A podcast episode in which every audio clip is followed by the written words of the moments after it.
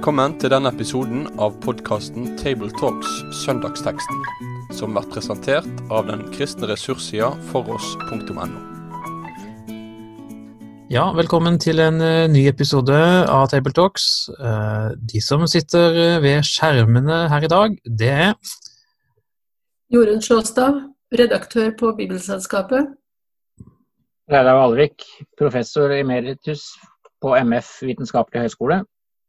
Og jeg heter Kristoffer Hansen Ekenes og er prest i Delk sin menighet her i Oslo, Ryenberget. I dag er det teksten for Kristi forklarelsesdag vi skal snakke sammen om, og den finner vi i Markus kapittel 9. Og Jorunn, du har sagt deg villig til å lese, vær så god. Da leser vi fra vers 2 til og med vers 13 i Jesu navn.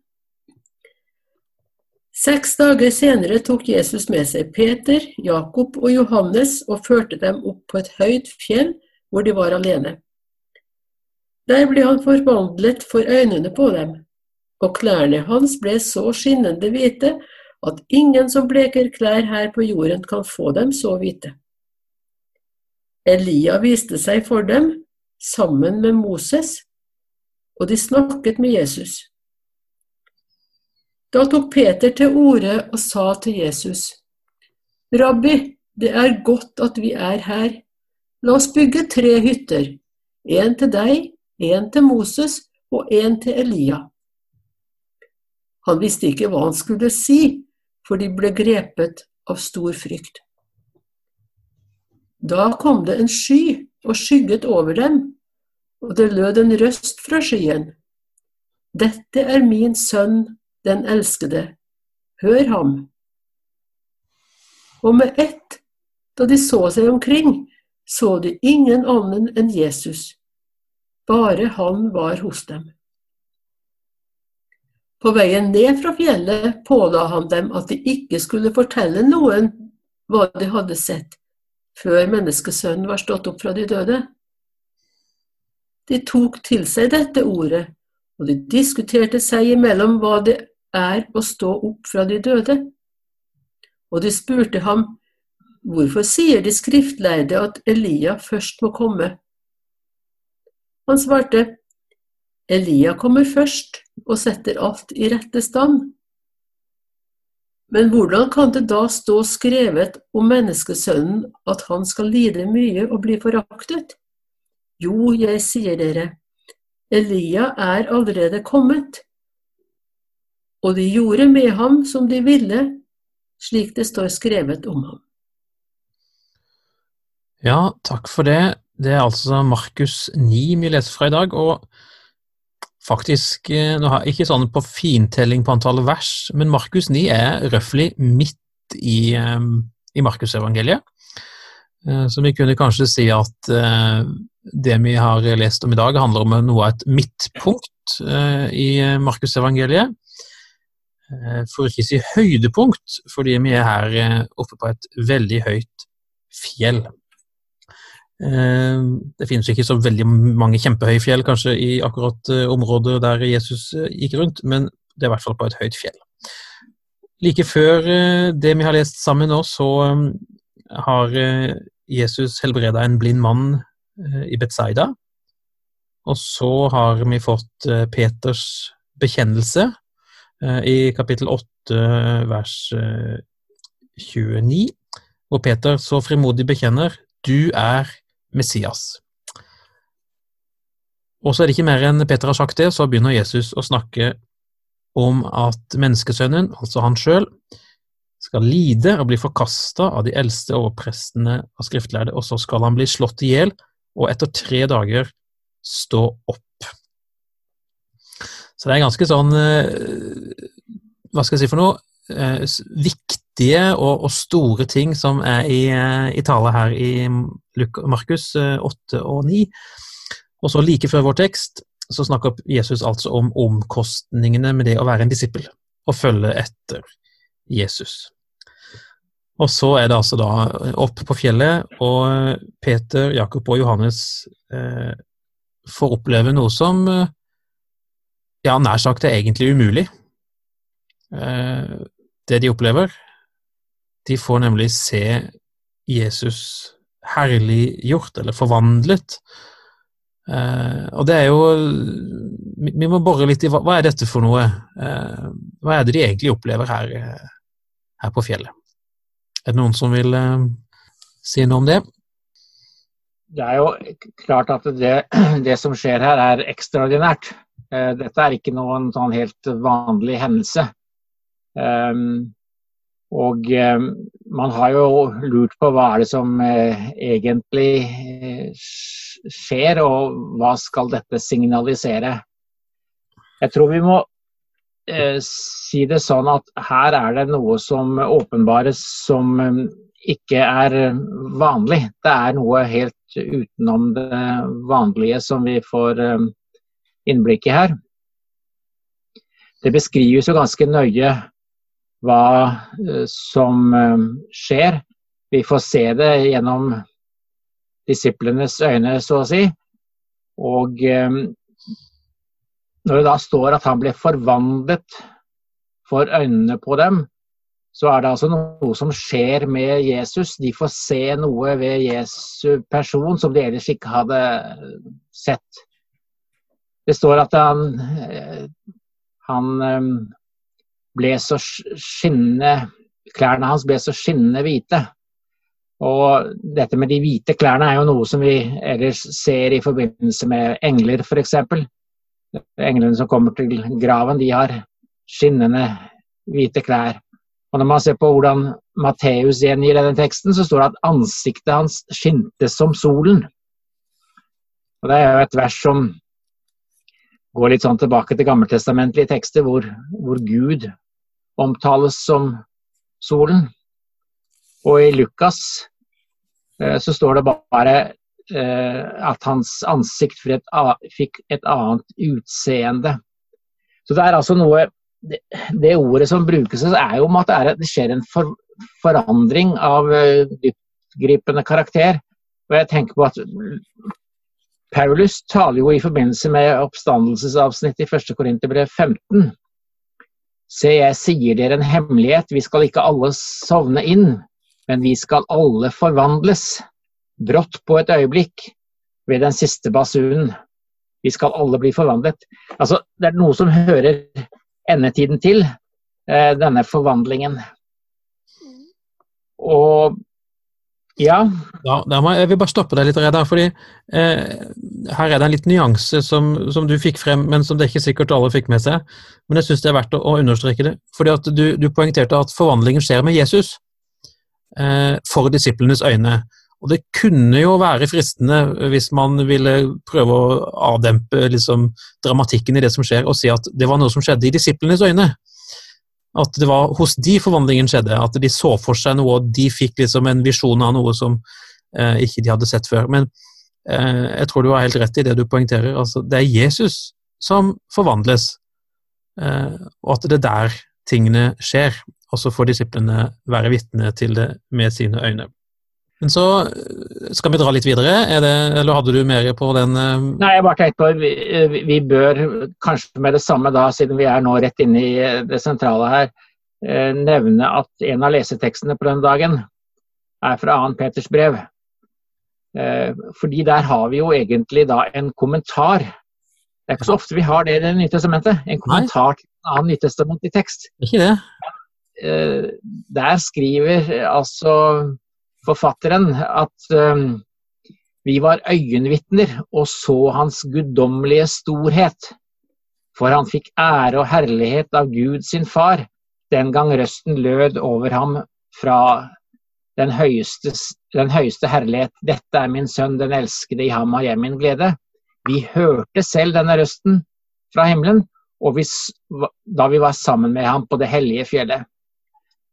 Eh, det er bare interessant å merke seg altså Det sies at vi var øyenvitner til hans guddommelige storhet.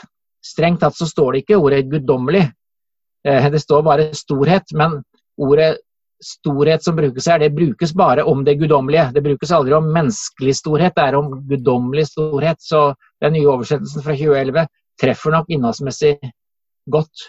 Og Det betyr altså det det er noe med Jesu person vi får se. Ja, og det henger jo kanskje sammen med det Peter har bekjent like i forveien.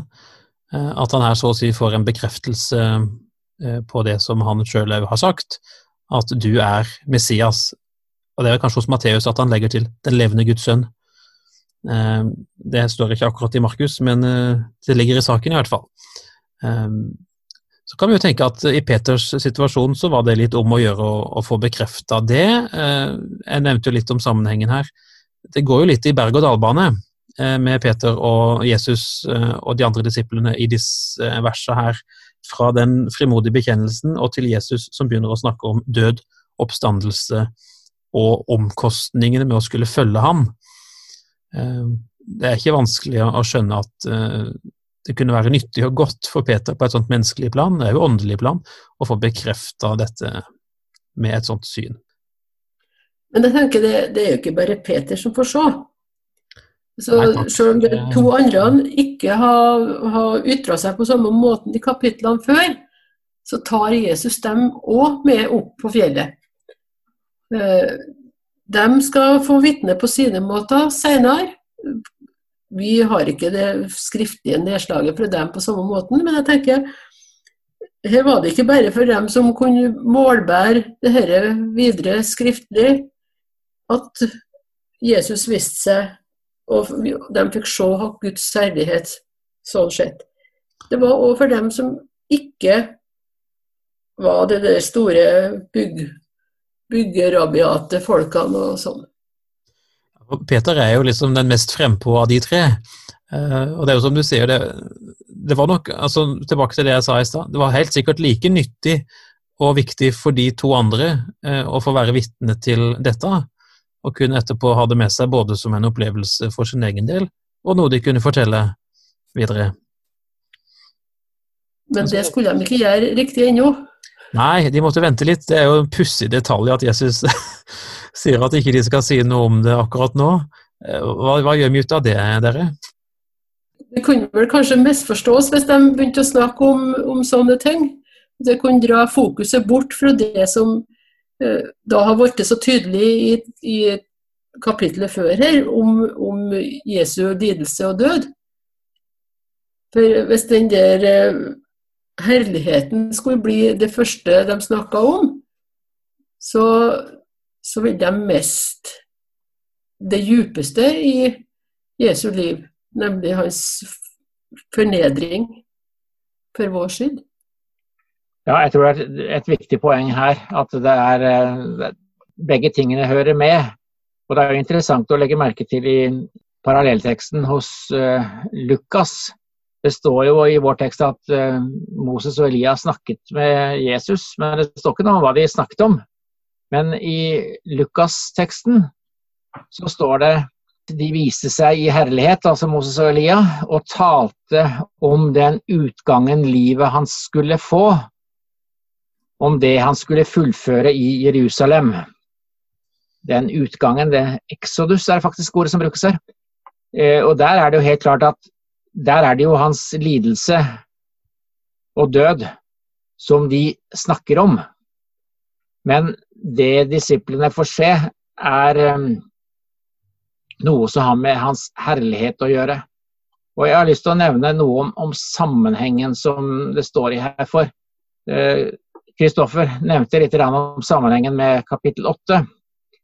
Eh, og det er noe av det, det, siste Jesus sier i den sammenhengen når det gjelder å være Jesu disipler, så sier han eh, for den som skammer seg over meg og mine ord, i denne utro og syndige slekt skal også menneskesønnen skamme seg over når han kommer i sin fars herlighet sammen med de hellige engler. Og så går det over til vers 1 eh, i kapittel 9, og han la til Sannelig, jeg sier dere, noen av dem som står her, skal ikke smake døden før han ser at Guds rike er kommet med kraft.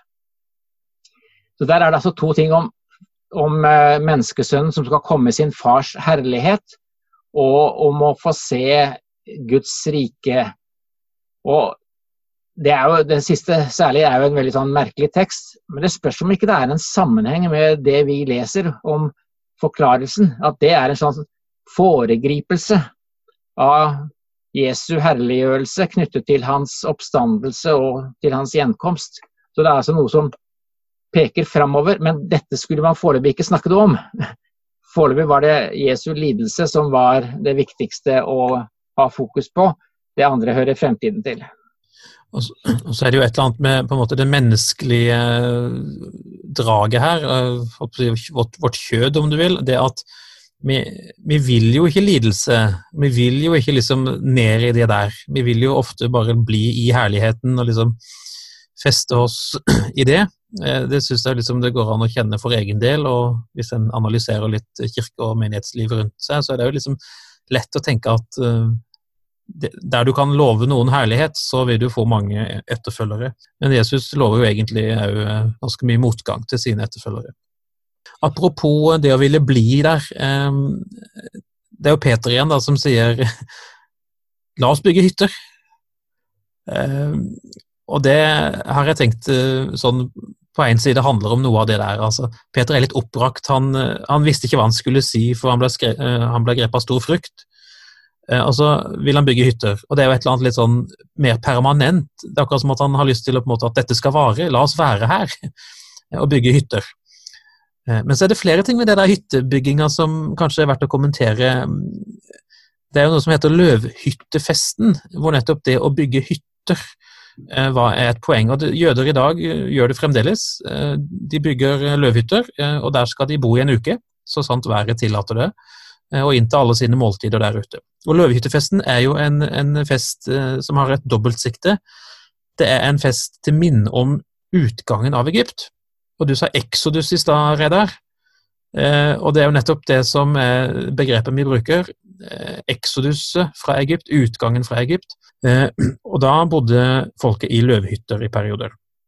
Og så er det òg et moment til som har kommet til den feiringa, og det handler om en innhøstningsfest etter at folk har kommet inn i landet, i det lovede land. Skal de feire en sånn innhøstningsfest for å huske på at det er Gud som er giveren av alle gode ting som de nå har overflod i det nye landet. Og så er spørsmålet har dette noe som helst å si for hvordan vi skal forstå den teksten. Og eh, jeg er ikke helt sikker på om jeg har det fullkomne svaret, men jeg tenker i hvert fall at i og med at Moses dukker opp her sammen med Elia, så er det i utgangspunktet vel verdt å tenke i retning av Exodus og løvhytter. Eh, og hvorfor det? Jo, fordi at det er jo en sånn gjennomgripende frelseshandling som Gud gjør eh, med israelsfolket. Og det med innhøstningsfesten og takke for Guds gode gaver, eh, det er jammen ikke så innmari langt unna det Jesus faktisk er. Eh, både når han dør og når han oppstår. Han er jo nettopp en Guds gave eh, til oss, som vi i høyeste grad skal takke han for. Og så er han som profet å betrakte helt på linje med Moses og Elia. Eh, og Det er vel kanskje noe av det som òg kommer frem eh, i denne teksten, at Jesus eh, selskapet av de to store skikkelsene i, blant de gammeltestamentlige profetene, nettopp Moses og Elia. De så å si ja, Om det er en stafettveksling, har visst noen kalt dette her. sånn som det står her, med ett da de så seg omkring, så de ingen annen enn Jesus, bare han var hos dem. Underforstått, Moses og Elia har hatt sin tid, og nå er det Jesus som skal, vi skal høre på. Som òg stemmen da fra skyen faktisk sier. Så det var, det var, flere tråder på en gang her, litt uh, usammenhengende, men jeg tror dere fikk tak i, uh, i det jeg tenkte. Uh, så jeg syns det med løvhyttefesten var litt, et litt sånn interessant bakteppe her. Er det andre ting dere tenker på som vi må kommentere, eller som dere har lagt merke til? noe som var fint eller underlig, eller hva det nå skulle være? Ja, Vi bør vel si litt mer om Moses og Elia. Eh, altså, Hvorfor er det de to som ja, Du nevnte at de var de to store profetene. Eh, men det er klart at det er noen spesielle tekster knyttet til Moses og Elia. Eh, for det første, eh, i 5. Eh, Mosebok 18 så taler jo eh, Moses om noe som skal skje i fremtiden. Eh, det er Gud eh, først som sier jeg vil la det stå fram en profet som deg, en av deres landsmenn. Jeg vil legge mine ord i hans munn, og han skal forkynne for dem alt det jeg pålegger ham. der tales det altså om en profet som skal komme. og Det er klart at eh, det er ikke noen tvil om at Jesus er oppfyllelsen av eh, dette. Nei, og Det er jo interessant. Eh, han skal dere høre på, sier vel Moses der i femte Mosebok. Og det er jo faktisk det stemmen fra skyen òg sier i vår tekst, i vers 7 der. Eh, hør ja, ham. Det er der man får bekreftelsen, fordi i 5. Mosebok 1815 så er det en annen variant av det ordet jeg leste. Ham skal dere høre på, sier Moses. Og det er jo det da som blir bekreftet med denne stemmen fra skyen. Og når det gjelder eh, Elia, så er jo eh, i den siste boka i Det gamle testamentet, så er jo han nevnt eh, spesielt i noen av de aller siste versene i Det gamle testamentet. Så kommer følgende ord. Husk loven jeg ga Moses min tjener på Horeb for hele Israel, med forskrifter og bud. Og så kommer det Se, jeg sender profeten Elia til dere før Herrens dag kommer, den store og skremmende. Det er jo det teksten eh, etter selve forklarelsen knytter an til, nemlig til Elia som skal komme. Og i den teksten så går det jo klart frem at den Elia som allerede er kommet, det er jo døperen Johannes, som går inn i denne rollen for å uh, forberede Jesu komme, så å si. Eh, berede veien for eh, Jesus. Ja, og så står det jo det siste verset i vår tekst eh, i dag, vers 13. Elia er allerede kommet, og de gjorde med ham som de ville. Det må vel ha sikte til at de fikk Johannes drept. Det kan vi jo lese om er det vel i kapittel 6, tror jeg, hos Markus. Herodes som pga. sjalusi får drept Johannes, da. Ja, men her syns jeg vi har fått med oss ganske mye. Men eh, er det flere ting vi, du har tenkt på? Jorunn, eh, du har eh, sikkert en liten liste med noen ting som du har sett? Nei, så Det er jo det samme som de har vært innom. Og det er jo, På en måte er det en veldig fin fortelling. Hvis en tenker seg at, at du skal fortelle litt om hvordan Jesus er for unger, så er jo dette her en plass å begynne. Vi forteller veldig ofte om det undergjerningene han gjorde. Men at det skjedde, hva som skjedde med Jesus sånn som her, kan jo gi oss anledning til å snakke med dem om hvordan Jesus var, hvorfor han ble så hvit i klærne, og, og, hvorfor han snakka med, med både Moses og Elia. Og så er det jo da, fra min oppvekst i hvert fall, det vers ni som liksom alt sammen koker ned til, det er det at når de så seg omkring, så så de ingen andre enn Jesus. Det var bare han som var der. Og det kristosentriske perspektivet, tenker jeg, det skal vi ha med oss enten vi er voksne eller vi snakker med unger. For det er så viktig. For det er jo det, er jo det som vi ser Jesus gjør og sier, som kan være med og gi oss det rette perspektivet på hvem Jesus er, og hvem vi er i forhold til Jesus. Det var derfor jeg sa litt om at, at både Jakob og Johannes var der, dem òg. De, de trengte å se det samme som Peter. Eh, det var ikke noe forskjell på dem sånn. For at de skulle få et rett syn på, på Jesus, så måtte de òg få lov til å se det dette. Og så fikk de fortelle det senere, etter at Jesus var får opp til himmelen. Eh, men, men de trong det samme, både å høre og se det samme som, som Peter fikk se. Og det var bare Jesus som da var sentrum. Og da er vi jo i ferd med å liksom uh, gjøre et, uh, en sammenfatning inn mot en preken uh, eller en andakt, alt ettersom hva folk sitter og skal forberede Det er vel vanskelig å komme utenom den konklusjonen eh, som du nå sier, Jorunn, for en preken, selv om vi gjerne skal grave oss ned i og, og belyse så mye som mulig av både eh, løvhyttefest og eh, fjell og hvithet og profetrekker og det ene med det andre, eh, så er det Jesus som skal forkynnes, eh, og som òg de som sitter i våre benker eh, nå kommende søndag, at de òg skal få se han like klart og, og rent, om du vil, som de tre disiplene her fikk på fjellet. Ja, jeg tenker på Det er litt fristende å si bitte litt mer om den gammeltestamentlige bakgrunnen. Fordi sant, dette, dette, skjer på et høyt fjell. Og vi har jo noen sånne tekster i Gammeltestamentet om ting som skjer på fjellet, nemlig Moses som er på fjellet. Eh, men også Elia. Han også møtte jo Gud på Horeb i første kongebok 19. Eh, og i begge disse eh, sammenhengene så er det jo tale om, om skyer, sånn som det er her også. At Gud, Guds nærvær er knyttet til, til skyen. Og i disse gammeltestamentlige tekstene så ønsker både Moses og Elia å få se Gud. Men eh, det vi leser er jo at eh, de får jo bare se ham sånn delvis. Eh, om Moses så står det at han bare kunne se Herren bakfra. Eh, han fikk ikke se eh, Guds ansikt. Og da er det veldig viktig å, å, å ta med dette nytestamentlige perspektivet at det er Kristus som har åpenbart hvem Gud er. Altså det er jo et av de aller viktigste tingene i Det nye testamentet. At den som ønsker å se Gud, eh, han må se på Jesus. Og Det tenker jeg kanskje kan være grunnen til at Moses og Elia er til stede ved denne anledningen. Altså De fikk aldri se Gud ansikt til ansikt. De fikk ikke eget inngrip i denne hemmeligheten hvem eh, Gud egentlig er.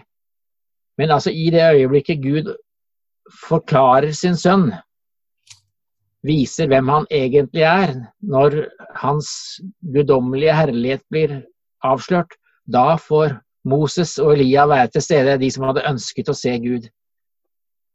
Det tror jeg kanskje er et viktig poeng, at det, er, det skjer når Jesus åpenbares og kanskje er det et, et poeng for oss òg. Eh, altså, det å, å, få lov til å, å, se hvem Gud virkelig er, eh, det er jo et løfte vi òg har, eh, har, fått. Jeg tenker på åpenbaringsboka kapittel 22, hvor den nye byen, det nye Jerusalem, skildres.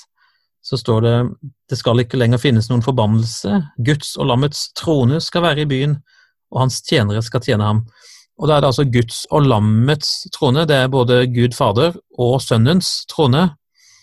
Eh, og det er jo helt klart at det er pga. lammet at det nå er mulig å se Gud. For da står det i vers 4 i kapittel 22 i åpenbaringa de skal se hans ansikt. Det som har vært umulig og livsfarlig egentlig hele veien pga. Guds hellighet, eh, det er nå blitt eh, mulig eh, gjennom Jesus. Eh, så det er jo eh, Jeg gleder meg til det, hvis det er lov å si det på den måten. Jeg tror det skal bli storslagent. Eh, og så får vi glede oss alle til den dagen, tror jeg. Med det skal vi få runde av for i dag, med håpet og løftet om å få se Gud sånn som han virkelig er. Takk for følget, og lykke til alle som skal forkynne førstkommende søndag. Med det sier vi takk for følget for denne gang. Finn flere ressurser, og vær gjerne med å støtte oss på foross.no.